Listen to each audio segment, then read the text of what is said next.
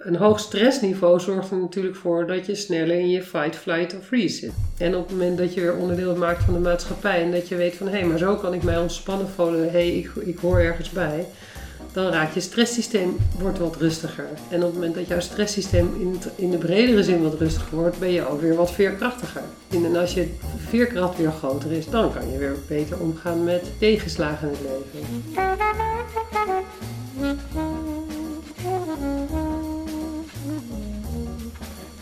U luistert naar de Therapeut Podcast, een wekelijkse podcast waarin ik, Peter Voortman, openhartige gesprekken voer met therapeuten over hun professie, patiënten en zichzelf.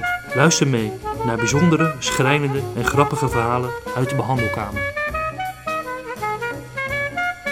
Vandaag ga ik in gesprek met Pita van Dissel, klinisch psycholoog bij Lievegoed. Een gesprek onder andere over psychisch lijden, de kracht van de gemeenschap en de roep om meer kleinere instellingen. Een gesprek gevoerd aan de keukentafel van een levendig huis. Luister mee. Jij stelt de vragen, toch? Dus ik hoef eigenlijk helemaal nergens over na te denken. Wat heerlijk, ik hoef alleen maar te praten. Ja, ja je mag wel praten. Um, gaan we u, gaan we je, jij? Wat mij betreft je, jij. Prima. Nou, goedemorgen. Ja, goedemorgen. Goedemorgen. Um, je bent klinisch psycholoog. Ja. Voor Lieverhoed. Ja. Um, wat, voor, wat voor mensen komen, wat voor mensen zie je? Um, ja, eigenlijk allerlei soorten mensen. Maar ik denk dat de belangrijkste kern van de mensen is die we zien, is dat zij uitgevallen zijn in de maatschappij op wat voor manier dan ook. Ja. Dus we zien uh, mensen die beschermd wonen Mm en in verband met psychiatrische klachten of psychische klachten bij ons in behandeling komen. Um, ik zie mensen die um, eigenlijk hoog opgeleid zijn, maar vastgelopen zijn in het leven. En daardoor toch al twee jaar lang uh, ziek gemeld zijn van werken. Soms ook nog wel langer in een via zitten of in een Mhm. uitkeringssituatie zitten. Maar die maar niet terug de maatschappij in kunnen. Dus, um, en de, de, de onderlegger is vaak trauma, um, angst, depressie en ook psychose. Ja. Ja, ja. En zijn dat altijd uh, echt aandoeningen? Het is niet zeg maar dat, dat ze met, uh, met bijvoorbeeld uh, rouw of dus dat het, heeft het een natuurlijke oorzaak of Nee, ik denk dat dat is natuurlijk altijd interessant. Hè? Ik, ik geloof zonder meer dat de biologie van de mensen een, een rol speelt. Maar het Mhm. gaat altijd over de wisselwerking tussen de biologie van de mens en de Ja. natuurlijke aanleg in, in, in interactie met zijn Mhm. omgeving. En ik denk dat vaak in de interactie met de omgeving dat het vaak dan misgaat. Dus dat iemand met een. Ik moet altijd denken aan mijn middelste dochter Marie, die is nogal temperamentvol van aard. ja. En ehm, ik weet, die kon altijd ontzettend veel huilen vroeger. En nou ja, ik snap dat op een gegeven moment dat, je, dat ik dacht van ja, moet je hier nou mee? En op een gegeven moment dacht ik van ja, jeetje, maar dit is haar temperament. Ze heeft Mhm. kennelijk een hele sterke wil. ja, En ik moet maar gewoon even met haar samen het lijden aangaan. Of gewoon samen maar gaan zitten. En toen langzaam zeker is het ook rustiger geworden. En het leuke is, die sterke wil heeft ze nog steeds. Maar ik denk wel dat als je anders omgaat met iemand met zo'n Mhm. sterke wil, ja, dan krijg je veel conflicten. Of dan krijg je veel ruzie of je krijgt veel gedoe. En ehm, ja, dan krijg je ook veel negatieve interactiepatronen. En dan, dan ontregelt dat heftige temperament steeds meer. Dus ik Ja. denk dat het echt een wisselwerking is. dus eigenlijk normaliseren. Ik ben heel erg voor normaliseren. Ja, Ja. dat klopt. Want ja. wanneer ben je uh, ja, komen niet alleen mensen die gek zijn, er zijn men, men, komen mensen die lijden, neem ik aan. Lijden, psychisch lijden. Ik denk dat het vooral gaat over lijden. Ik denk dat het veel gaat over eenzaamheid. Mhm. En ik denk dat het veel gaat over. Ehm, dat vind ik wel mooi aan die hele beweging van de positieve gezondheid. Is dat die zingeving ook veel meer Ja. weer centraal is komen te staan. En iedereen heeft toch echt wel een hele sterke behoefte om mee te doen in de maatschappij. Of om onderdeel te zijn van een groep. Of eh, wil sociale contacten hebben. Of wil het gevoel hebben van hé, hey, ik sta ergens voorop. Ja. En, en denk je dat uh, met uh, zeg maar uh, de ontzuiling en het afnemen van geloof, dat er, dat er ook meer psychisch lijden is? Um, ja, vind ik wel een interessante vraag. Kijk, um, oei, dat, ja, even nadenken hoor. Um, ja, ik, ik weet niet of er daardoor meer psychisch lijden is. Ik denk dat psychisch lijden er eigenlijk al door de jaren Mhm. of de eeuwen heen er altijd al is. Ja. Um, als je kijkt naar bepaalde filosofen van heel lang geleden, die hebben het natuurlijk ook al over psychisch lijden en hoe je daarmee om kan gaan. Dus ik denk niet dat, dat het psychisch lijden ehm, nou vermeerderd is. Ik denk wel wat er veranderd is, is dat mensen veel sneller in een sociale isolement komen. Mhm. Dus dat mensen die buiten de boot vallen, die, doen, die worden ook nergens meer waargenomen. Of die Ja. vallen dan echt helemaal buiten de boot. Of Dus die dus kunnen dan nergens het, meer eh, aanhaken. Het sociale, sociale vangnet. Ja, en ik bedoel, ik, ik kan me wel voorstellen dat vroeger dat je dan, eh, ook al was je alleen, dat je dan in ieder geval altijd naar de kerk kon gaan, zeg Ja. maar. En ook al zat je daar dan Ja. nog steeds in je eentje en dan Mhm. had je daar ook bepaalde normen en waarden waar je dan al dan niet aan kon voldoen. Mhm. Maar dan had je nog wel altijd een plek waar je heen kon gaan en waar je geaccepteerd werd, voor zover Ja. nog ging. Maar, maar ook, ik bedoel, ook een stukje zingeving als je weet van, nou, eh, je hebt voor jezelf verzonnen of eh, je gelooft dat, dat er iets is hierna of dat een bepaalde ehm, plek op de wereld geeft of een bepaalde rust. En nu dat weg, voor veel mensen weg is, dat dat misschien ook angst of eh, onwetendheid of... Nou ja, kijk, ik, ik kan alleen maar, eh, weet je, anders wordt het wel heel erg filosofisch en abstract. En, en, en ik wil even terugkijken. Ik werk nu in Lievegoed Haarlem en Mhm. dat is dan, een, dat is van oorsprong een therapeutische werkgemeenschap en die bestaat nu al zo'n 30 jaar. Ja. En wat ik daar dus bij zie is, wat, ik, wat daar mijn grote plezier is, dat ehm, mensen komen daar met psychische klachten. Die zeggen van, nou, ik, heb een, ik, ik, ik functioneer niet en ik wil psychologische behandeling. En dan zeg ik van, ja, oké, je bent hartstikke welkom, maar we gaan hier niet alleen maar psychologische behandeling doen. Het is ook de bedoeling dat je onderdeel maakt van onze gemeenschap. We gaan Ja. ook samen eten, we gaan ook samen werken. En de behandeling die, die draait niet om mij of om, om, alleen om de psyche. Het draait ook om van hoe maak jij weer onderdeel uit van onze gemeenschap? Hoe ga jij weer ervaren dat het fijn is om samen met andere mensen aan tafel te zitten? En het leuke is dat, je dus, dat, dat ik ontzettend merk, is wel dat dat mensen inspireert en dat dat mensen verbetert. hoe noem je dat? Eh, dat dat de klachten verbetert. Ja, dus ik draai hem eigenlijk een beetje om. Snap Ja. je wat ik. Ja, nee, maar eh, eh, ehm, dan cre- creëer je eigenlijk je creëert een gemeenschap met Ja. een, met een eh, Een gedeelde mini-maatschappij. mini-maatschappij. Oefenmaatschappij, Ja, ja. waar we, want, eh, wat, wat ik, ik heb ook begrepen dat je bijvoorbeeld meer mensen die in de, in, de- in, de- in, de- in de stad wonen, dat die meer eh, psychische problemen hebben dan op het platteland. Of, ehm, dus ik vraag me heel erg af. Ja, hoe, ja, ik denk dat je het eigenlijk wel zegt. Dat je in de gemeenschap dat, dat, dat het. Ehm, want herkennen we mensen elkaar zichzelf dan meer over. Waar zit dat in? Waarom werkt dat? Ehm, nou ja, waarom het werkt is dat. Kijk, we, we zitten eigenlijk nu op dit moment met een heel klein team. Mhm. En we hebben nu denk ik zo'n 60 mensen in zorg. En het zijn allemaal mensen die toch wel eh, behoren tot de EPA-doelgroep. Dus dat zijn mensen met ernstige psychiatrische aandoeningen. Mhm. En dat betekent niet direct dat je allemaal psychotisch of helemaal van het padje af bent. betekent eigenlijk dat je langer dan twee jaar in de psychiatrie rondloopt. Mhm. En dat je uitgevallen bent in de maatschappij. En Ja. Ehm, ja, dus we, zijn, we zitten met een klein team. We, zijn, we hebben het eigenlijk, eh nou, de, de, het behandelteam was helemaal leeg. En van de zomer zijn we dat allemaal weer gaan opstarten, het behandelprogramma. En ik zie gewoon wat, wat werkt, is dat die mensen het fijn vinden om een bed uit te komen. We hebben een dagopening en dan hebben we een gedicht wat we voorlezen. En daardoor raken mensen geïnspireerd. Mensen helpen elkaar. Mensen hebben een appgroep buiten onze, eh, buiten onze GGZ-instelling. En dat maakt dat, eh, ja, dat, dat maakt dat mensen weer hun bed uit willen komen. Dat ze Mhm. weer denken van, hé, hey, ik doe mee. Eh, weet je, iemand, iemand nam afscheid en dan nemen de groeps, andere groepsgenoten... die gaan een cadeautje met elkaar kopen. Of die gaan een afscheid met elkaar bedenken. Dus het is al die eigenlijk a-specifieke therapiefactoren... Mhm. die zie ik veel beter werken dan de hele specifieke therapiefactoren... waar het alsmaar over gaat in de psychiatrie.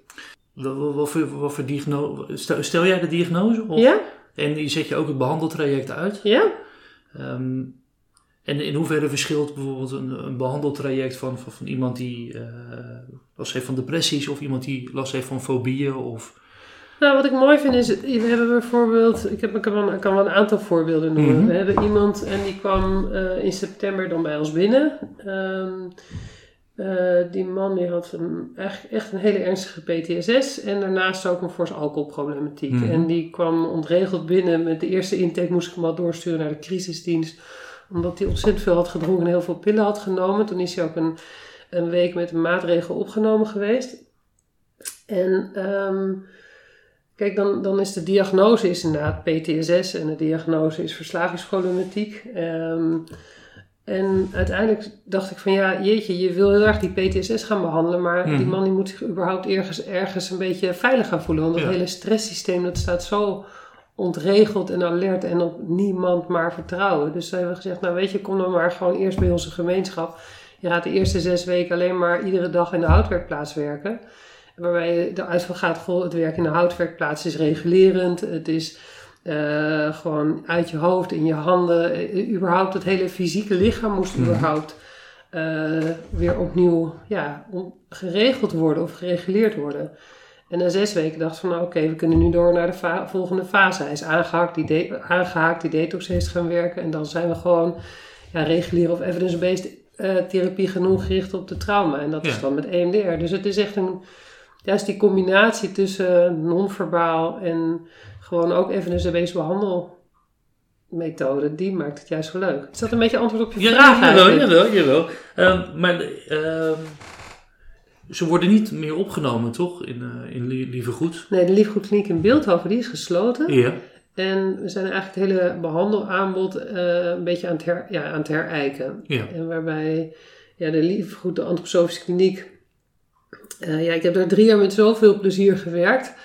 Eh, dus het doet me nog steeds pijn aan mijn hart dat die eh, gesloten is. Mhm. Maar dus komen niet meer in klinische opname. Maar uiteindelijk wil je ook niet dat mensen in een klinische opname komen. Want ja, dan, wat je dan ziet is dat mensen zich dan tijdens de klinische opname zo ontzettend ingebed voelen, veilig voelen. En ze knappen op van de aandacht, van de rust en van de structuur. Mhm. Maar vervolgens komen ze naar huis en dan Ja. zitten ze weer in dat lege huis, zeg maar, Ja. zonder eh, aansluiting. Dus uiteindelijk wil je dat zoveel mogelijk dat mensen thuis blijven wonen. Maar wil je wel een plek hebben waar ze naartoe kunnen gaan. En zie je dan verschil in eh, de duur van het herstel? Ehm, wat bedoel je daarmee? Nou, ik kan me zo voorstellen dat als je wordt, wordt opgenomen, dat je misschien sneller herstelt, maar ook weer sneller terugvalt. En als je thuis woont, dat het misschien langer duurt voordat je herstelt, maar wel dat het Ja, eh, dat eh, effect heeft. Ja, ik denk dat dat een goede analyse is. Ja, want het is. ja, jeetje, als ik, nu, als, als ik nu drie weken in een prachtig herstelwoord Ja. ga zitten, Ja. dan ga ik me ook een heel stuk beter Ja, voelen. En dan kom je daardoor weer terug in Nederland en dan moet je... Nee, dus ik denk dat dat voor iedereen geldt. Dat als je in een soort ideale omgeving zit. En de vraag is, is een kliniek een ideale omgeving?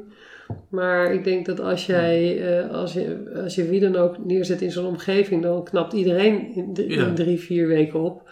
Maar de kunst is natuurlijk dat je het thuis gaat doen. ja, Dat is, ehm, want hospitaliseren mensen ook eh, door zo'n omgeving? Het is, eigenlijk is het natuurlijk, eh, het is zo veilig, het is niet natuurlijk. Nou, ik denk dat toen ik net bij Liefgoed kwam werken, toen hadden we nog wel echt langere opnames. En toen zag ik wel eens dat mensen hos- hospitaliseren. Maar Mhm. Ehm, ik denk dat je hospitaliseren ook echt wel kan voorkomen door vanaf het begin af aan in te zetten van op, uiteindelijk moet je het gewoon thuis gaan doen. Ja, Ja, dus, oh, daar komt mijn zoon even aan. Ja. Nee, dus ik, ik, ik denk wel dat, ja, hospitaliseren mensen, ja, weet je, het, het, het hospitaliseren kan je ook voorkomen door vanaf het begin af aan heel duidelijk in te zetten op van, dit is een tijdelijke plek, uiteindelijk Mhm. moet je het zelf doen. We Ja. gaan niet alles overnemen. En dat is toch wel een beetje wat veel gebeurt in de, in de GGZ, maar ik denk in de hele ge- gezondheidszorg. Dat, ja, u bent de patiënt, u bent ziek en ik ben de dokter en ik ga zeggen wat u anders moet doen. En dat creëert ook weer patiënten of mensen die zeggen van, de dokter zegt wat ik moet doen en als de dokter het niet weet, dan weet ik het ook in één keer niet meer. Dus Mhm. het is een, wel een bepaalde visie dat, dat uiteindelijk mensen zelf echt, echt verantwoordelijk zijn voor hun eigen herstel. En, eh, en nu komen ze dan eh, een aantal dagen per week of één keer per week? Of hoe, hoe intensief is zo'n... eh, Nee, we, hebben eigenlijk een, we zijn modulair aan het werken, dus Mhm. we zijn vijf dagen in de week open. ja, En ehm, we hebben een combinatie van. eh, ja, op de maandag hebben we het thema eh, gericht op leefstijl en structuur. Dus wat er dan centraal staat is hoe ga je gezond leven. Hoe, nou, vanuit de antroposofie heb je het dan over het fysieke lichaam en het etenlichaam. Dat staat Mhm. dan centraal. Want dat is eigenlijk toch eigenlijk wel de bouwsteen of de bodem eh, voor heel veel. Zonder dat het... Hoor je dit of niet? Dat, dat, dat maakt niet uit. Oké. Dus, nee, dus het, de bouwsteen is wel van dat je, dat je lijf gezond is en dat je een goed ritme hebt. En dat gaat puur over leefstijl. Dus dat is de basis. Dus dat is de module die, die mensen maandag kunnen volgen. Op de dinsdag hebben we het thema Ehm, even kijken, wat was het thema? Sorry, ik, ik ben even helemaal... Op de dinsdag hebben we het thema ehm, gericht op lichamelijke regulatie. Dus dan hebben we of mensen die, ehm, ja, veel mensen zijn dus inderdaad ook echt fysiek geregeld. Dan krijgen ze daar ook nog uitleg verder over. Hoe kunnen ze dat doen? Op woensdag hebben we het thema werk. Werk en, en activatie en reïntegratie. Ik denk dat het ook belangrijk is voor iedereen om op de een manier weer terug de stap Mhm. naar werk te maken. En op donderdag hebben we het thema ehm, ja, inzicht. En op vrijdag is, zijn we voor de GGZ dicht, maar dan heb je alleen de WMO-begeleiding of de dagbesteding. Ja, en mensen zijn soms, sommige mensen zijn één dag, sommige mensen zijn twee dagen. Is dat gewoon vrijwillig? Komen ze wanneer ze willen komen? Of moet... Nou, ik, ik maak wel graag duidelijke afspraken. Ja, ja. Maar het mooie is, vind ik, dat, dat het een soort... Ja, het is toch een soort gemeenschapshuis of een therapeutische gemeenschap. Dat, ehm, ik denk zeker nu met die coronatijd. We hadden nu bijvoorbeeld een man... Heb je hier last van of niet? Anders wil ik Jannes even wegsturen. Of hoor je dat niet? Eh, je, je hoort het wel. Ik weet niet of het heel storend is. Oh, oké. Nee, dus kijk, we hebben nu bijvoorbeeld een man die heeft dan een detoxopname gedaan. Nou, dat, dan is hij heel gemotiveerd. Dat is hartstikke fijn. Dan vervolgens Mhm. de maanden daar. En hij heeft een combinatie gedaan met een opname bij Psytrek voor traumabehandeling. Nou, dan is hij echt blij, weet je, trauma's zijn behandeld, de detox is doorlopen. En vervolgens denkt hij, ik kan de wereld aan. Nou, dat, dat houdt dan twee weken aan. Ja. En vervolgens komt hij thuis. Ja, ik kan geen werk vinden. Hij zit veel alleen. De Mhm. eenzaamheid is er weer. Ja, wat moet je doen? Dus hij langzaam zeker valt hij dan terug. En die is dan eerst bij ons alleen op de dinsdag, eh. Dus dat is echt gericht op terugvalpreventie, fysieke regulatie en gericht op werk. Maar ja, dan zie ik dat zo'n man ontregelt en die mag dan tijdelijk gewoon even iedere dag bij ons komen. Ja. Maar dan is niet iedere dag allemaal therapie. Dan is het gewoon ook vooral komen en werken en samen eten. En zijn er dan werkplaatsen waar ze... Ja. Nee, we hebben een kookcafé of een Mhm. keuken waarin mensen kunnen werken. We hebben een houtwerkplaats waarin eh, mensen kunnen werken. Dus Ja. eigenlijk ook een beetje de, de positieve gezondheid Ja. dan doorgevoerd in, eh, Ja. in, in, in dagen eigenlijk. Ja, Ja, ja. mooi. Nee, het is een heel mooi model. Dus het gaat inderdaad niet over, alleen over klachten. Het gaat ook echt over van... En het mooie is, die jongen die liep dan eh, gisteren zo stralend rond. En hij zei van ja, dat hij weer... Hij zegt van ja, het is zo fijn om hier te kunnen zijn. En eh, ja, dat ik hier welkom voel. ehm, dat ik weer mee mag eten. Dit gaat helpen om, mij, om, dit, om mijn terugval te voorkomen. Ja. En dan heb ik het over puur over onder de mensen zijn. Ja, Puur, en het is... Ja, ik word, ja, wordt wel verwacht om negen uur. En het is, eh, ja, ik- Kijk je dan ook zeg maar wat de, de oorzaak van, eh, van, van die problemen is? ja, tuurlijk. Want eh, ja, nu, nu heb je het over van, nou, je doet eigenlijk mee met de gemeenschap en dat is in een zekere zin eh, eh, gezondmakend. Ja. Maar ik neem, dat, eh, hoe ga je de, de oorzaak aan? Of de, de onderliggende problematiek? Nou, kijk, wat ik wel mooi vind is dat ik een aantal voorbeelden zie. Dat, dat, dan heb ik een vrouw bij ons in behandeling en die is dan al zes jaar lang in behandeling bij een reguliere GGZ-instelling. En er wordt dan vooral ingezet op haar hoofd. En Ja. eh, toen zou ze bij ons komen dan voor dagbehandeling of voor therapie. En ehm, nou, dan zouden we samen gaan werken. En dan vervolgens dan komt ze bij mij en dan wil ze heel graag allerlei therapie. En ik kijk naar die vrouw, ik denk, goh, haar onderlegger is trauma, dus dat Mhm. zie je absoluut. Maar als ik kijk naar het hier en nu, dan zie ik ook een vrouw met een IQ van 80, dus die is niet zo Ja. slim, die alleenstaande ouder is. En om, om dat hele gezin daar staan dan 10 hulpverleners. En dan wordt er heel veel gepraat met die vrouw. Mhm. Terwijl wat ik zie in de therapeutische werkgemeenschap is dat ik denk van, oh, dit is echt zo'n werk bij. Weet je, die wil gewoon soep maken voor iedereen en Mhm. die maakt altijd kaartjes voor iedereen. En dan denk ik, oké, eh, weet je, laten we nou eerst gewoon eens kijken hoe we al met zo'n IQ van 80, om dan al die hulpverleners die om zo'n gezin staan en iedereen met de beste bedoelingen, eh, ja, die vrouw die, die, die, die raakt daar helemaal het overzicht van kwijt. Dus Mhm. dat houdt dan die angst in stand. Dus Ja. dan denk ik, ja, dan moeten we daar eerst overzicht in creëren. Dus dan zitten we met z'n allen om tafel. Vervolgens denk ik van ja, weet je, alles leuk en aardig voor therapie. Ehm, ja, die vrouw die moet gewoon weer eerst gewoon de bed uit zingeving Mhm. ervaren en kunnen ervaren van hé, hey, ik doe ertoe. Dus dan zeg ik, nou gaat we eerst gewoon eens gaan werken. Nou, dan heeft ze dat nu drie maanden gedaan. Dan denk ik, oh ja, dan krijg je die hulpverleners daar om dat gezin heen. Dat, dat, dat krijgt meer rust. Mhm. Ze komt er bed uit, ze komt weer in de structuur en ze vindt het fijn om te komen. Nou, dan gaat dat ook wat meer rustiger worden. En dan denk ik, ja, dan, dan is die depressie eigenlijk al wat meer naar de achtergrond. Denk ja, dat is het niet. Die angst die raakt ook naar de achtergrond omdat ze gewoon meer overzicht heeft. En dan denk ik van ja, wat ik nog wel heel erg zie is dat op het moment dat het over. eh, ja, het is inderdaad zo iemand die, die altijd pech heeft in het leven. Ja. En dan denk ik wel van ja, er gebeuren altijd, als hij er is, dan gebeuren er dingen waardoor het stressniveau enorm omhoog schiet. En dan denk je, ja, maar dat is trauma. En daarom ga ik dan traumabehandeling doen. Dus het gaat echt zo fasegewijs. En ik Mhm. denk dat wat er gebeurt veel in de GGZ is dat dan wordt er alleen maar op die klachten behandeld. Maar ja, voordat je goede therapie kan doen, moet er, zijn er ook een heleboel voorwaarden waaraan voldaan moet worden. Moet Voordat je je eerst gedempt te worden eigenlijk. En, Nou, niet? gedempt. Het is gewoon. ehm, ik denk dat het ook vooral heel goed kijken is. Het Mhm. verbaast mij over hoe weinig er echt goed gekeken wordt in de psychiatrie. Ja. En de traumabehandeling zelf, dat doe je met EMDR? Of zijn er andere ja technieken voor? Nee, je hebt EMDR, maar ik doe ook de opleiding tot Sensory Motor Psychotherapy. Mhm. Dat is meer, veel meer lichaamsgerichte psychotherapie. En waarbij je zegt, goh, de EMDR dat is echt top-down. Dus dat is echt vanuit het- de herinneringen van je hoofd. En daarmee ga je de sensatie in je lichaam ook Ja. verminderen. Maar voor heel veel mensen, ehm, of voor een aantal mensen denk ik van ja, nee, dan werkt het eigenlijk precies andersom. Dus dat die herinneringen, die zijn zo confronterend, dat op het moment dat ze daaraan denken, dan schiet dat lijf helemaal op slot. En dat ik denk van ja, ga nou eerst kijken, of dan ga ik eerst kijken van in het hier en nu. Van wat gebeurt er in een lijf, hoe kan je dat eh, reguleren? En vanuit die regulatie en beter luisteren naar je lichaam, ga je beter grenzen aangeven. En stopt ook die hertraumatisering. En over EMDR zijn wisselende verhalen. Sommige, dat, of het wel of niet goed werkt, of wanneer je het wel of niet moet eh, inzetten. Heb- Hou je er goede, goede resultaten mee? Ja, ik, ik denk dat de EMDR heel erg goed werkt. Ja. Ja, alleen ik denk dat eh, ook voor EMDR geldt dat je een goede behandelcontext moet hebben. Mhm.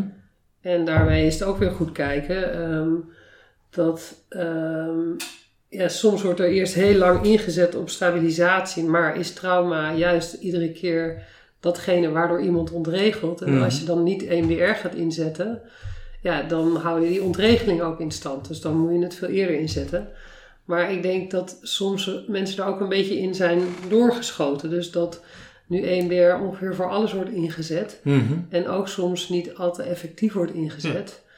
Ja, dus dan, dan is het wat minder. Maar ik ben, EMDR is absoluut evidence-based. is een goede traumabehandelingsmethode. Ja, waar ik achter, achter sta. Ja, ja. Ja, Want ik heb ook wel eens gehoord dat EMDR, eh, dat het, nou, omdat je dingen ophaalt uit het langdurige geheugen naar het werkgeheugen. ja, Vervolgens overlaat je het werkgeheugen, ja, eh, waardoor eh, de ervaring van, van de trauma minder wordt. ja. Maar dat het eigenlijk ook een soort van verdringing is. Ja, Nee, ik dat weet niet hoor. Kijk, ik Ja. vind het heel simpel. Er is veel onderzoek gedaan naar. EMDR en het werkt. En ik zie ook vaak dat het werkt. Maar ik zie ook dat er bij een aantal mensen het moeilijker werkt. Mhm. Omdat die...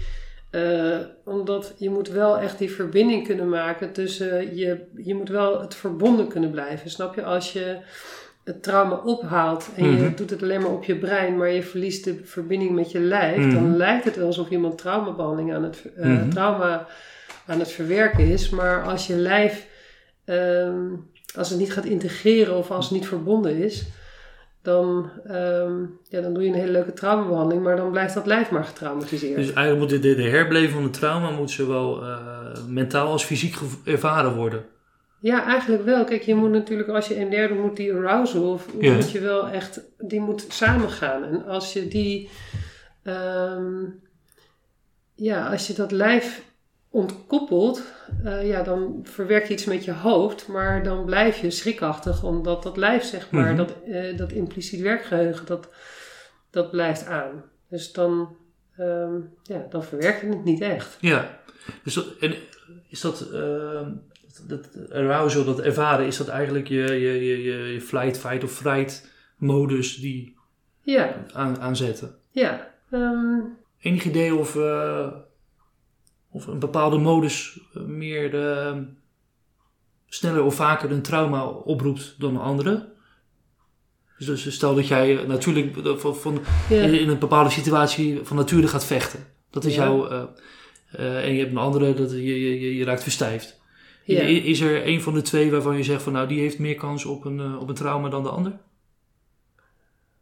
Ehm, dus je vraagt eigenlijk van of, er van nat- of je een natuurlijke respons hebt. Ja. De, nou, kijk, het is bekend dat mensen met een hogere maat van angst sneller getraumatiseerd kunnen worden. Ja. Maar ik denk dat je niet moet onderschatten hoeveel mensen met een fight respons Mhm. die gaan er anders mee om. Ja. Dus die, die worden wel degelijk getraumatiseerd. Ja. Alleen die schieten altijd in een soort enorme drive. Dus die Mhm. gaan een soort overcompenseren. Dus die hebben misschien wel dezelfde onderlegger trauma. Mhm. Maar die gaan er met een andere manier mee om. Dus die gaan eerder heel hard werken. Of, Mhm. eh, ehm, ja, of je gaat heel veel drugs gebruiken. Is de een des- destructiever dan de ander? Of is er... Ja, dat weet ik eigenlijk niet. Dat vind ik eigenlijk wel een goede vraag. Ik denk dat ze misschien uiteindelijk wel alle... Ja, ik denk, kijk, de fight is natuurlijk het meest in oog springend wat betreft eh, destructief. Want dat zijn de mensen die vaak ruzie krijgen. Of die vaak in conflicten belanden. Of die, ehm, ja...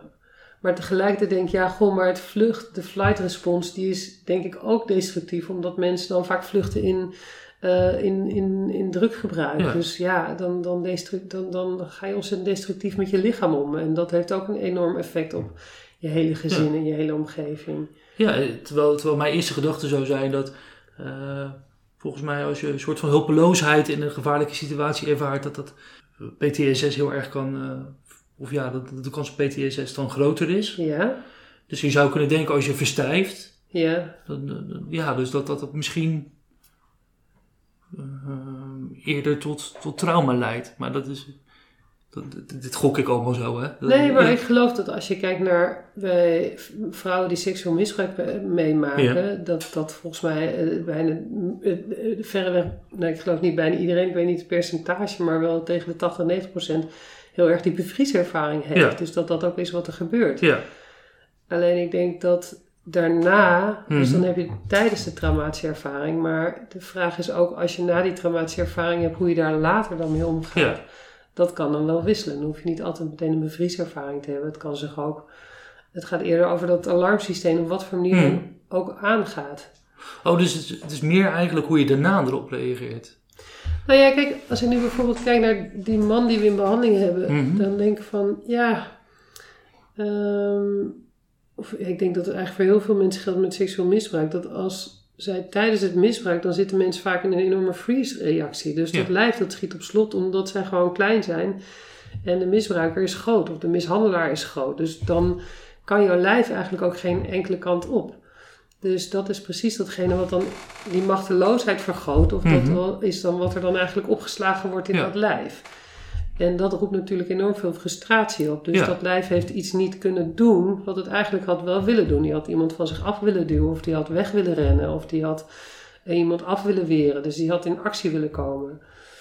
En ik denk dat mensen daar later een andere manier, dus dan staat het alarmsysteem, dat is Mhm. ontregeld, maar dat ze daar later op verschillende manieren mee om kunnen gaan. Dus dat sommige mensen die, die, die gaan dan eh, op een gegeven moment heel veel drinken en dan omdat het alarmsysteem aanzet en denken ze ja, dit nooit meer, dan gaat dat lijf voortdurend in de vechtstand staan, omdat dat vroeger dat niet kon doen. Dus ik denk dat dat, en ik denk eerlijk gezegd dat dat Mhm. ook weer per levensfase ook wel weer kan veranderen. Oké, dus het is niet zo dat, eh, dat, dat flight fright, dat dat een blauwdruk is waar je eigenlijk heel je leven aan... Ik denk het niet. Oké. Nee, ik denk dat je wel een bepaalde voorkeur hebt. Mhm. Nou, omdat het, ja, omdat het van die dingen zijn die je niet kan voorbereiden. Of ja, je kan jezelf maar heel moeilijk een simulatie van een echt, ja, ik, dan vraag ik me af. Ik bedoel, stel dat hier ineens een, eh, een auto komt er binnenrijden, Ja, dan weet ik niet hoe ik reageer. Dan hoop ik natuurlijk dat ik, dat ik, eh, dat ik heel accuraat reageer. Maar misschien eh, ren ik wel weg uit angst. Of, ja. hè, dat, dat weet je niet. En Nee. het is dus niet zo dat die reactie, dat dat, een, ja, dat, dat er gewoon in zit. Van dat, ja, dat, zo, daar ben je mee. Nee, ik denk wel dat je van nature dus een bepaalde reactie hebt. Ik, Ja. ik, ik denk dat mijn natuurlijke reactie eerder is dat ik zal gaan vechten, zeg Ja. maar. En eh, dus als iemand mij een, een, een poets pakt, zeg maar, Mhm. dan word ik heel zagrijnig. Dan ga ik Ja. alleen maar harder van werken. En dan denk ik, ja, verdomme. Mhm. Daar word ik daar heel zagrijnig van. Ja.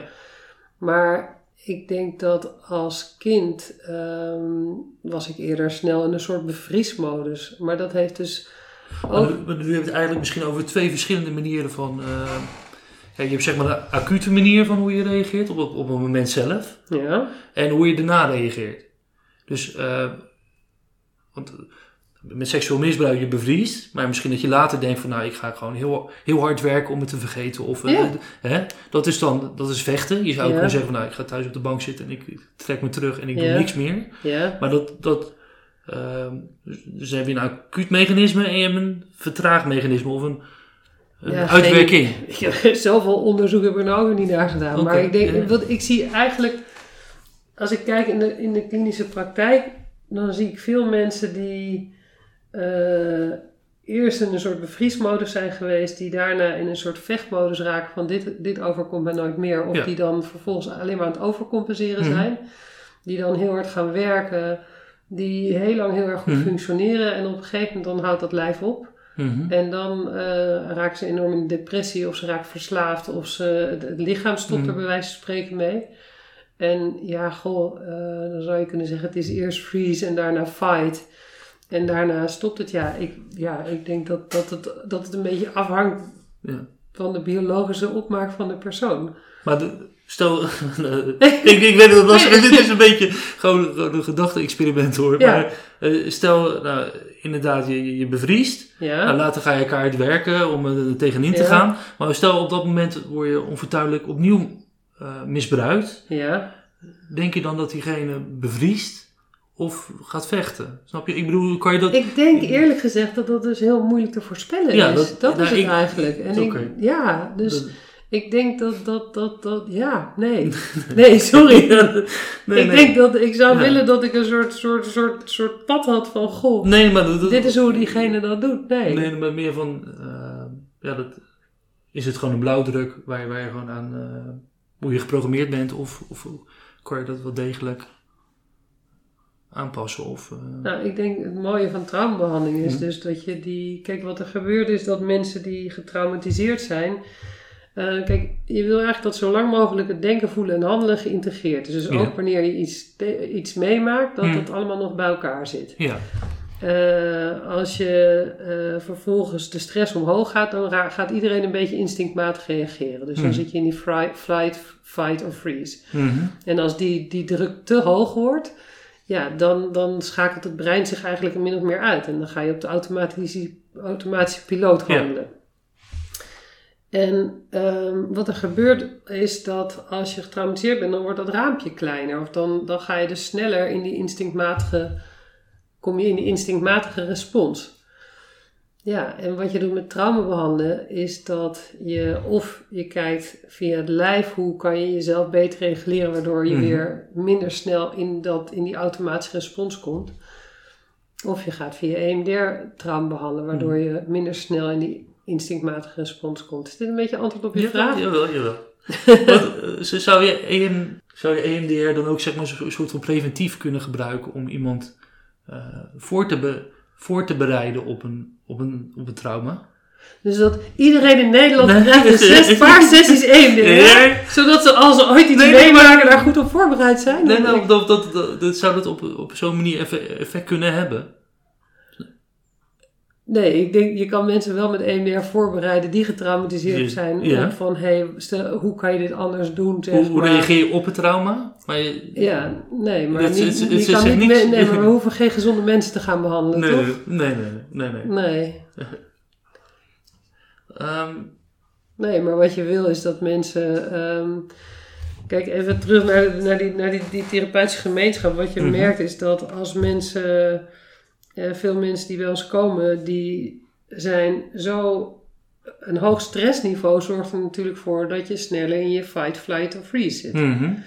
En op het moment dat je weer onderdeel maakt van de maatschappij en dat je weet van hé, maar zo kan ik mij ontspannen voelen, hé, hey, ik, ik hoor ergens bij, dan raakt je stresssysteem wordt wat rustiger. Ja, En op het moment dat jouw stresssysteem in, in de bredere zin wat rustiger wordt, ben je ook weer wat veerkrachtiger. mhm.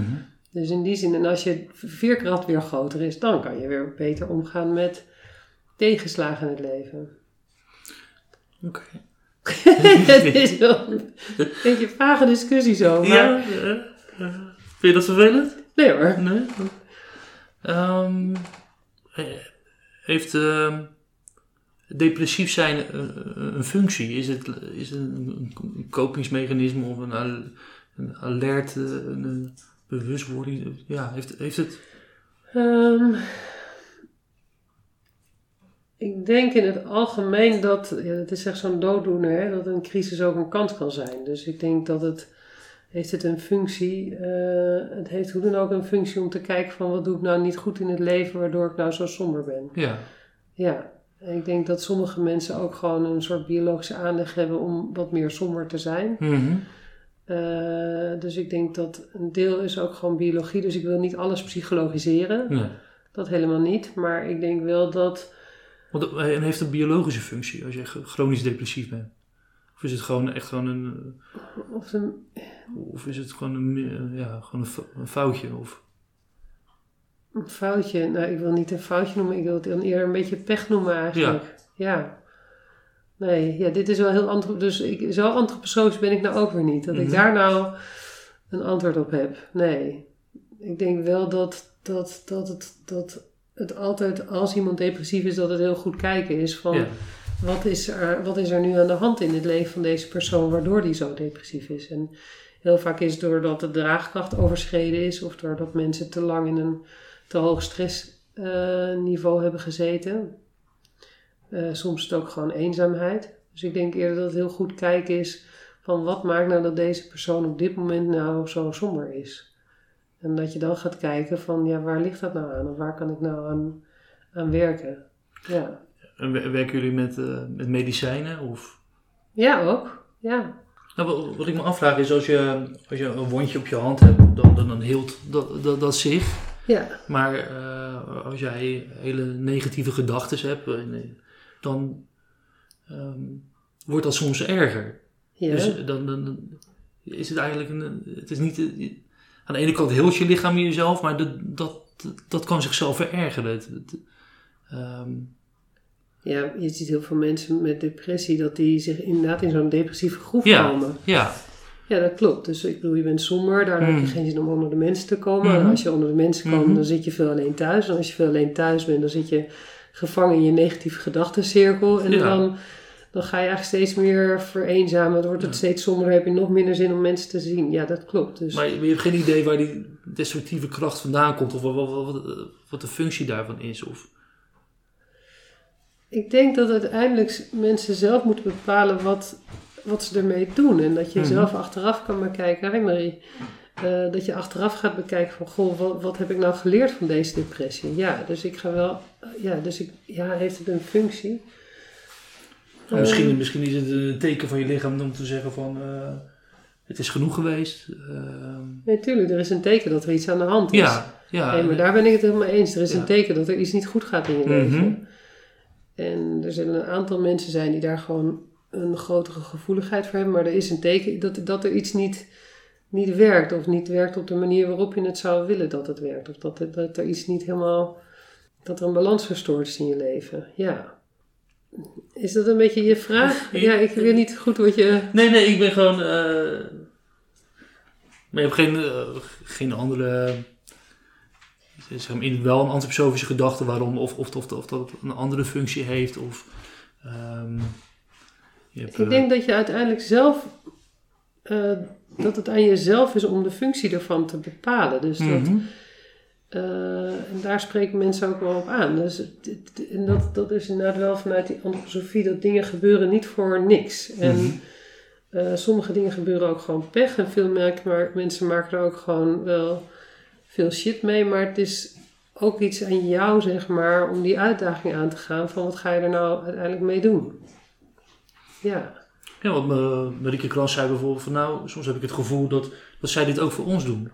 Dus dat, eh, zeg maar voor de maatschappij, dat, dat, dat, dat er dus ook mensen zijn die zeg maar eh, ziek zijn. Ja. Ehm, ja, dus bijna een soort van idee van, eh, ja, er zijn gewoon mensen die, die zijn gelukkig en ongelukkig. En wat ongelukkige mensen zijn, zijn er dus ook gelukkige mensen. Dus, dus dat er een soort van, Balans is in, ja, in de, ja, ja. in de- ja, in de- in de- Ja, maar dat, dat, dat, dat, is, dat is denk ik al, al gedurende de mensheid is een soort balans. Dat is de hele gedachte van Steiner, toch? Mm. Van, dat er altijd een soort synergie en een soort balans in het leven is.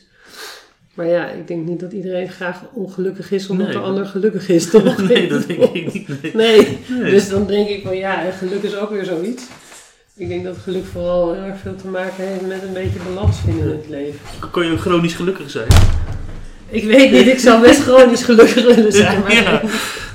ik weet niet of dat ook goed is. Nee, ja. Doe maar in. Ja. En ehm, hoe, hoe, ehm, hoe verhoudt de, de, de cultuurpsychologie zich met de psychiatrie? De cultuurpsychologie? Ja, is de daar- cultuurpsychologie? Nou, als je, ehm, stel, denk hoor, als je zou kijken naar narcisme bijvoorbeeld, of stel dat ik tegen mijn ouders zou zeggen van, nou, ik ga niet naar de verjaardag van mijn oma, daar heb ik gewoon even geen zin in. Ja. Dan zouden mijn ouders misschien zeggen, nou, goed dat je voor jezelf kiest, hè, bijvoorbeeld.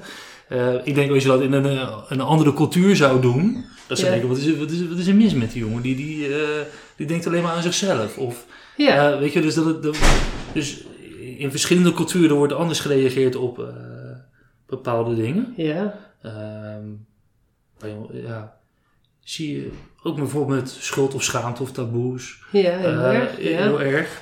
Ehm, hoe, ja, wat, wat ik eigenlijk probeer te vragen is, in hoe, hoeverre kan eh, eh, de cultuur eraan bijdragen dat mensen psychisch lijden? Snap je wat ik bedoel? Ja, ik snap wel wat je bedoelt. Dat- Misschien nou, je ziet ook misschien in de Arabische cultuur dat, dat je geen, eh, eh, dat ho- homofilie niet voorkomt, zeg maar. Ja. In, in hun beleving en dat, dat heel erg... Of, eh, Ja, en het is een hele, Of- het is een hele brede vraag. Ehm, Wat zijn je ervaringen ermee? wat ik jammer vind is dat uiteindelijk zien we ook bij Lievergoed een relatief witte populatie. Oké, Ja, ja. dus dat blijft wel jammer eigenlijk. En ik werk ook in een klein psychotraumacentrum. En eh, daar werk ik, ik zie heel veel Iraniërs. Mhm. Maar op zich, de Iraanse cultuur is echt prachtig. Die is eigenlijk zo spiritueel ingesteld. Oh, ja? En ja, het is echt, het is echt een hele, ik kan niet anders zeggen, het is echt een hele mooie cultuur hoor. Oké, ja, ja. Ja. Ik, ik ben er niet bekend mee, maar... Nou ja, dat valt mij op, want dan voel ik me altijd zo'n hele grote, nuchtere witte Nederlander. en dan, dan werk ik met Assade. En Assade die is denk ik 1,60 meter of zoiets, misschien nog wel kleiner. En dan al die, al die Iraanse vrouwen, het, het- ze hebben echt de meest schrikkelijke dingen meegemaakt, maar ze, zijn altijd- ze zien er altijd prachtig uit en ze zijn altijd zo verfijnd. Hoi Kate. Ik heb een huis. Echt waar? Echt waar? Jeetje! Kate! Oh, mijn dochter die heeft een huis Nou, gevonden. gefeliciteerd. Dankjewel. Nou, wauw! Oh, ik te trillen. Echt waar? 1 februari al? Oké, dat is heel snel. Jeetje, dan gaan we eerst de dochter het huis uit. Oh. Wauw! Oh, Nou, gefeliciteerd. Ja, mijn papa neemt nu op.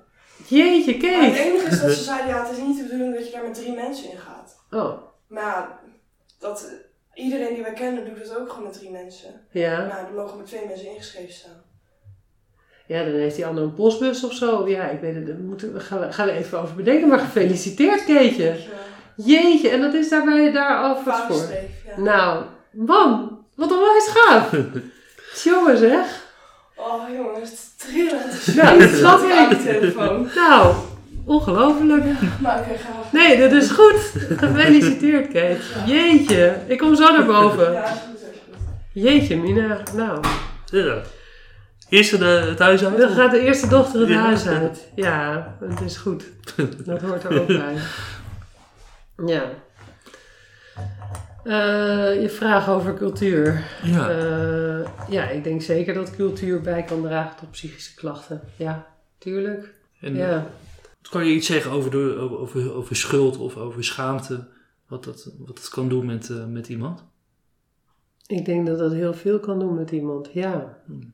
Ik denk dat dat ervoor zorg kan, kan voor zorgen dat iemand eh, opgesloten blijft in zijn eigen klachten. Hm. Ja. En ik denk dat dat een heel ingewikkeld iets is. En dat geldt denk ik voor misbruik, maar het geldt ook bijvoorbeeld voor mensen met psychotische klachten. Mhm. Ja.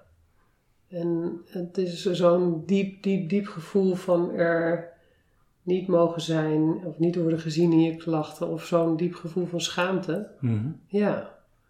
En zo'n angst voor afwijzing. En dat, ja, dat heeft niet direct enkel alleen met cultuur te maken, maar ook gewoon met opvoeding. Ja, Ja, dus dat is denk ik een hele ingewikkelde voor veel mensen. ja. Want je zou bijvoorbeeld, eh, ik zit nu na te denken over wel een witte cultuur, maar wel culturele verschillen. Bijvoorbeeld als je uit een secte komt. Ja. Dus dat je een eh, Oh, hele je gaat echt, echt van, van, van hond naar her. Ja, nou, dat- dat- eigenlijk niet, niet, maar dat, wat ik probeer te eh, vangen is dat je kan dat, dat, dat cultuur of in ieder geval je, je socialisatie heeft met wa- wat je goed en fout vindt eh, te maken. Ja. En, eh en dat zou je in, in insecten heb je natuurlijk vaak hele andere, andere normen en waarden die vaak juist haak staan op de, de, de gewone gangbare of de ja. En Weet je, ik, ik vind cultuur en, en, en al die dingen altijd wel een heel ingewikkeld ding. Hè? Want er zijn natuurlijk ook heel veel mensen binnen een, een bepaalde cultuur die ook met dezelfde culturele waarden en normen nog steeds wel goed functioneren. Ja. Dus ik denk dat ehm, ik heb altijd tijdens de opleiding ook allemaal van die cultuurlessen en zo gehad. Dat ik denk van ja, ehm, ehm, in de kern gaat het over mag je gewoon zijn wie jij bent. Mhm. En ben je veilig. Ja. En durf je... En ja... Dus ik vind hem altijd ingewikkeld. Dus ik, ik denk... Ja, dat... ehm, het draagt niet...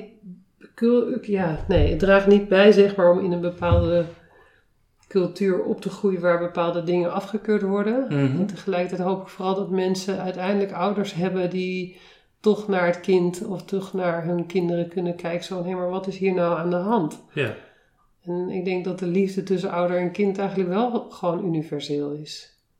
ja. Ja, dat, ja, dat denk ik wel. Ja. ja. Nee, die is ook onvoorwaardelijk, maar... Dus, weet je, er schieten allerlei dingen door mijn hoofd. Dat ik denk van, ja, ik heb, ik heb een vrouw in behandeling met, eh, die echt al heel lang in de psychiatrie zit. Met allerlei psychotische klachten. En ehm, ja, die heeft zo'n diepe schaamte om te vertellen over haar stemmen. Mhm. Eh, maar de, de, daaronder zit ook gewoon vooral een kind wat niet mocht zijn wie zij was.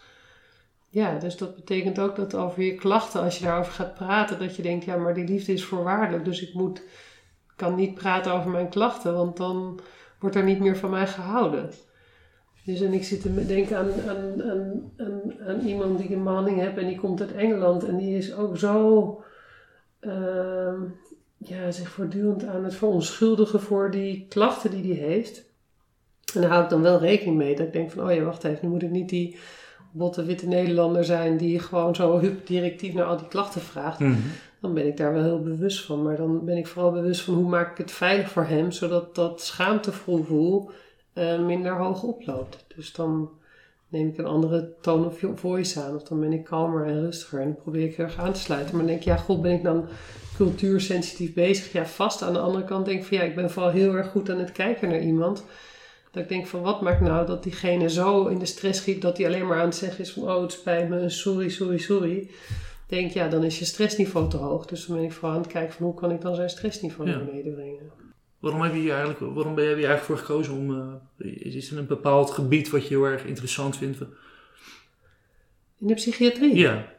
Ehm, ik denk dat de kern vooral trauma is. Mhm. En ook, ja, jeetje, eh, maar ik denk dat trauma de onderleg is van verreweg van de meeste psychiatrische klachten.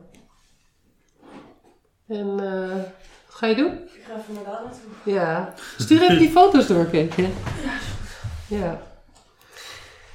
Ehm, ja. Nee, wat vind ik leuk? Ik, ik weet niet of ik... Ik denk dat ik in de, in de basisschool echt een generalist ben Oké. ben. En dat ik eigenlijk alles heel erg leuk vond. Maar ik werk bijvoorbeeld ook als eh, klinisch psycholoog. Ik ben een voormalig topsporter, dus ik werk ook voor het NOC-NSF. Mhm. En ehm, ja, ik vind, ik vind het vak gewoon... Ik vind denk ik gewoon de menselijke ge- geest gewoon eigenlijk buitengewoon interessant. Ja, Ja. En als je nu kijkt naar dit... eh, maar het moet wel een beetje uitdagend zijn.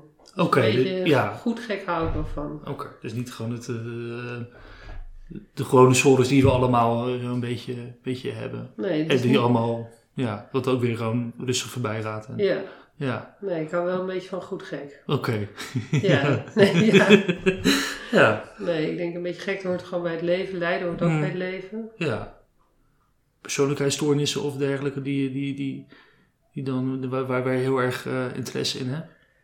Nee, kijk, met afhankelijke vermijdende persoonlijkheidsstoornissen kan ik niet zoveel. Oké. Nee, dat klopt Ja. wel. Dus ik kan wel Ja. zeggen waar ik niet zoveel mee heb. Ja. En ik vind eh, antisociaal borderline narcisme vind ik eigenlijk heel erg leuk. Oké. Ja, nee, ja.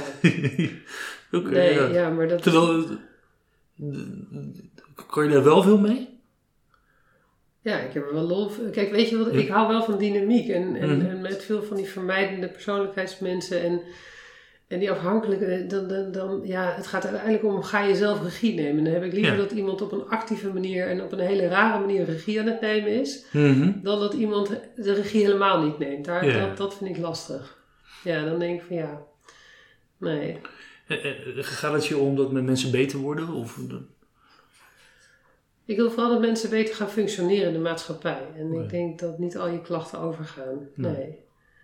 Dus ik denk, ik wil vooral dat mensen beter gaan functioneren in de maatschappij. En ik denk van beter functioneren in de maatschappij en weer meedoen, gaan je klachten naar beneden. ja. Maar ik denk dat je altijd een beetje klachten zal blijven houden of zo. ja. En, en als je kijkt nu naar, de, naar, naar het zorgsysteem, zie je dan dingen waarvan je denkt van nou, dat, eh, daar zou hoop veranderd kunnen worden? Of dat, dat, dat- daar zie je, ja. Ja, heel Ja. erg. Ik denk dat, dat mensen in de psychiatrie heb ik de afgelopen twintig jaar dat ik werk, heb ik het zo zien gaan van alleen maar naar het hoofd. Mhm. En naar alleen maar de klachten. En bij de antroposofie gaat het juist ook over hoe ga je meer gezonder worden en hoe ga je meer zingeving ervaren. Ja. Dus ik vind dat het veel te veel gaat over het hoofd en over de klachten. En ik vind dat mensen ook veel te veel zijn doorgeschoten in dat alles behandeld moet worden. En, en, en, en het gaat vooral over hoe ga je mensen weer terug de maatschappij in krijgen. Dan dat we mensen kunnen helen. Ja. En op het preventieve stuk, zie je, zie je daar nog, eh, je zou bijvoorbeeld kunnen denken aan het eh, ontschotten van de eerste en de tweede lijn? Of, eh, Nou, volgens mij is het niet ontschot. Volgens mij hebben we eerst ja, die, juist eerder die schotten allemaal opgeworpen, toch? Dat mensen eerst bij de eerste lijn moeten en daarna... ja, nee, naar de tweede dus lijn dat zou daarna- misschien moet je dat weghalen. Nee, dat denk ik niet. Ik denk dat... Nee, want ik, ik denk dat juist door, door die hele marktwerking in de zorg zijn er veel mensen, zijn er juist allerlei semi-SGGZ-instellingen eh, van de grond ge- gekomen. Mhm. Die dan mensen volgens de SGGZ behandelen. Terwijl ik denk van ja, eigenlijk hoort dit ook een beetje bij het gewone leven. Dus die horen dan eigenlijk juist binnen de basis GGZ. Dus daardoor krijgen een hele grote groep mensen met relatief milde klachten. Die krijgen dure behandelingen binnen de SGGZ. Mhm. En vervolgens ontstaan er wachtlijsten voor een heleboel mensen met hele ernstige klachten die niemand wil hebben, want die zijn te ernstig en daar is op dat moment geen plek voor, want die zijn te duur. Dus nee, daar kan ik me wel ernstig over opwinden eigenlijk. Ja. Want hoe zou je het wel graag voor je zien? Ehm,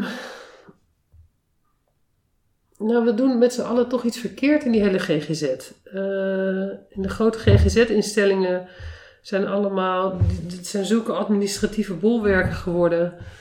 Waardoor veel mensen, voordat ze bij de juiste behandelaar zijn, een heel, heel, heel traject hebben gehad. Dus mijn achterbuurvrouw, zij is huisarts en ze verwijst mensen naar de SGGZ.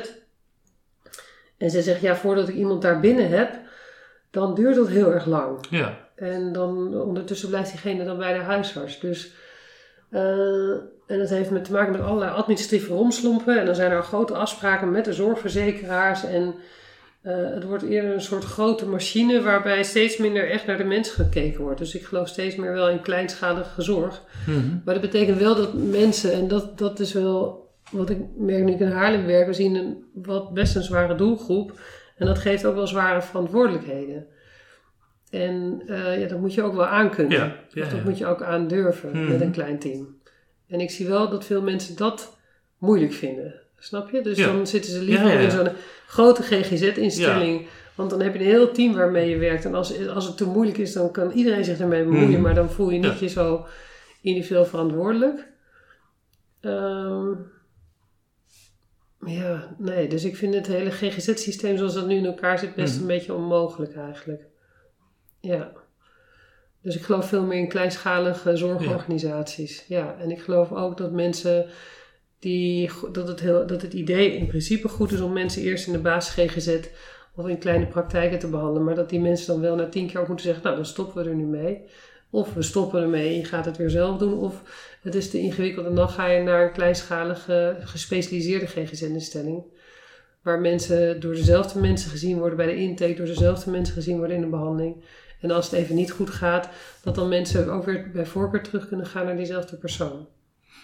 Ja, En zie je, voel je je daar prettig bij in Lievergoed? ja. Ik ben echt een beetje beduust. Mijn dochter gaat gewoon het huis uit.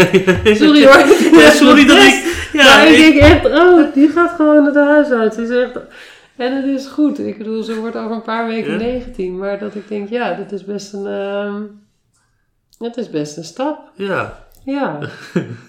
dus, ja, het is me wat. Mhm. Ja. Nou, moeten we maar afronden. Ja, dat is goed. Wat is je vraag nog? Eh, Dat is een beetje een interview wat van hot naar her ja, nee, dat is eh, een beetje wel, maar dat, geeft dat geeft ook niet. Anders- Eh, even denken. Wil je zelf nog wat kwijt? Ehm, nou, ben ik zelf nog wat kwijt. Eh, dat ik zie dat de zorg heel erg leuk kan zijn. En Mhm. dat het heel erg leuk is als je het persoonlijk maakt en als je goed gaat kijken. En dat we daar de tijd voor moeten nemen. En dat ik vind wel dat wij als professionals echt onze verantwoordelijkheid moeten nemen. We zijn hoog opgeleid. Mhm. En dus dat betekent als je, dus, als je ook zo hoog opgeleid moet, bent, dan vind ik ook wel dat je er echt moeilijke mensen moet gaan zien en gaan behandelen. En Ja. Het is een beetje een onmogelijkheid waarbij veel mensen vanuit, vanuit grotere instellingen, waar toch doorgaans de moeilijkste mensen worden gezien, daar vluchten heel veel specialisten uit omdat die, de hele zorginstelling zo onmogelijk is. Met al die administratieve lasten en de Mhm. traagheid. Dus ik hoop eigenlijk dat als ik kijk naar wat ik leuk vind nu bij Lievergoed, is het is een kleinere organisatie aan het worden. Dat werkt en dat is goed. En, maar dat betekent ook dat je dus veel verantwoordelijkheid draagt in zo'n kleine organisatie. Dus daar moet je wel ook weer lef voor hebben. Dus ik hoop dat veel meer mensen dat lef gaan hebben. Want ik zie ook bij die buurtzorg T-teams ben ik ook fan van, dat doen ze ook gewoon goed. Het zijn ook vaak kleine teams die moeilijke mensen zien. Ja. Nou, dat is zoiets. U luisterde naar de Therapeut Podcast. Abonneer u via uw favoriete podcast-app en krijgt elke week automatisch een nieuwe aflevering. We horen graag uw mening. Vragen, opmerkingen of suggesties kunt u sturen naar info.detherapeutpodcast.nl of laat een review achter via uw podcast-app.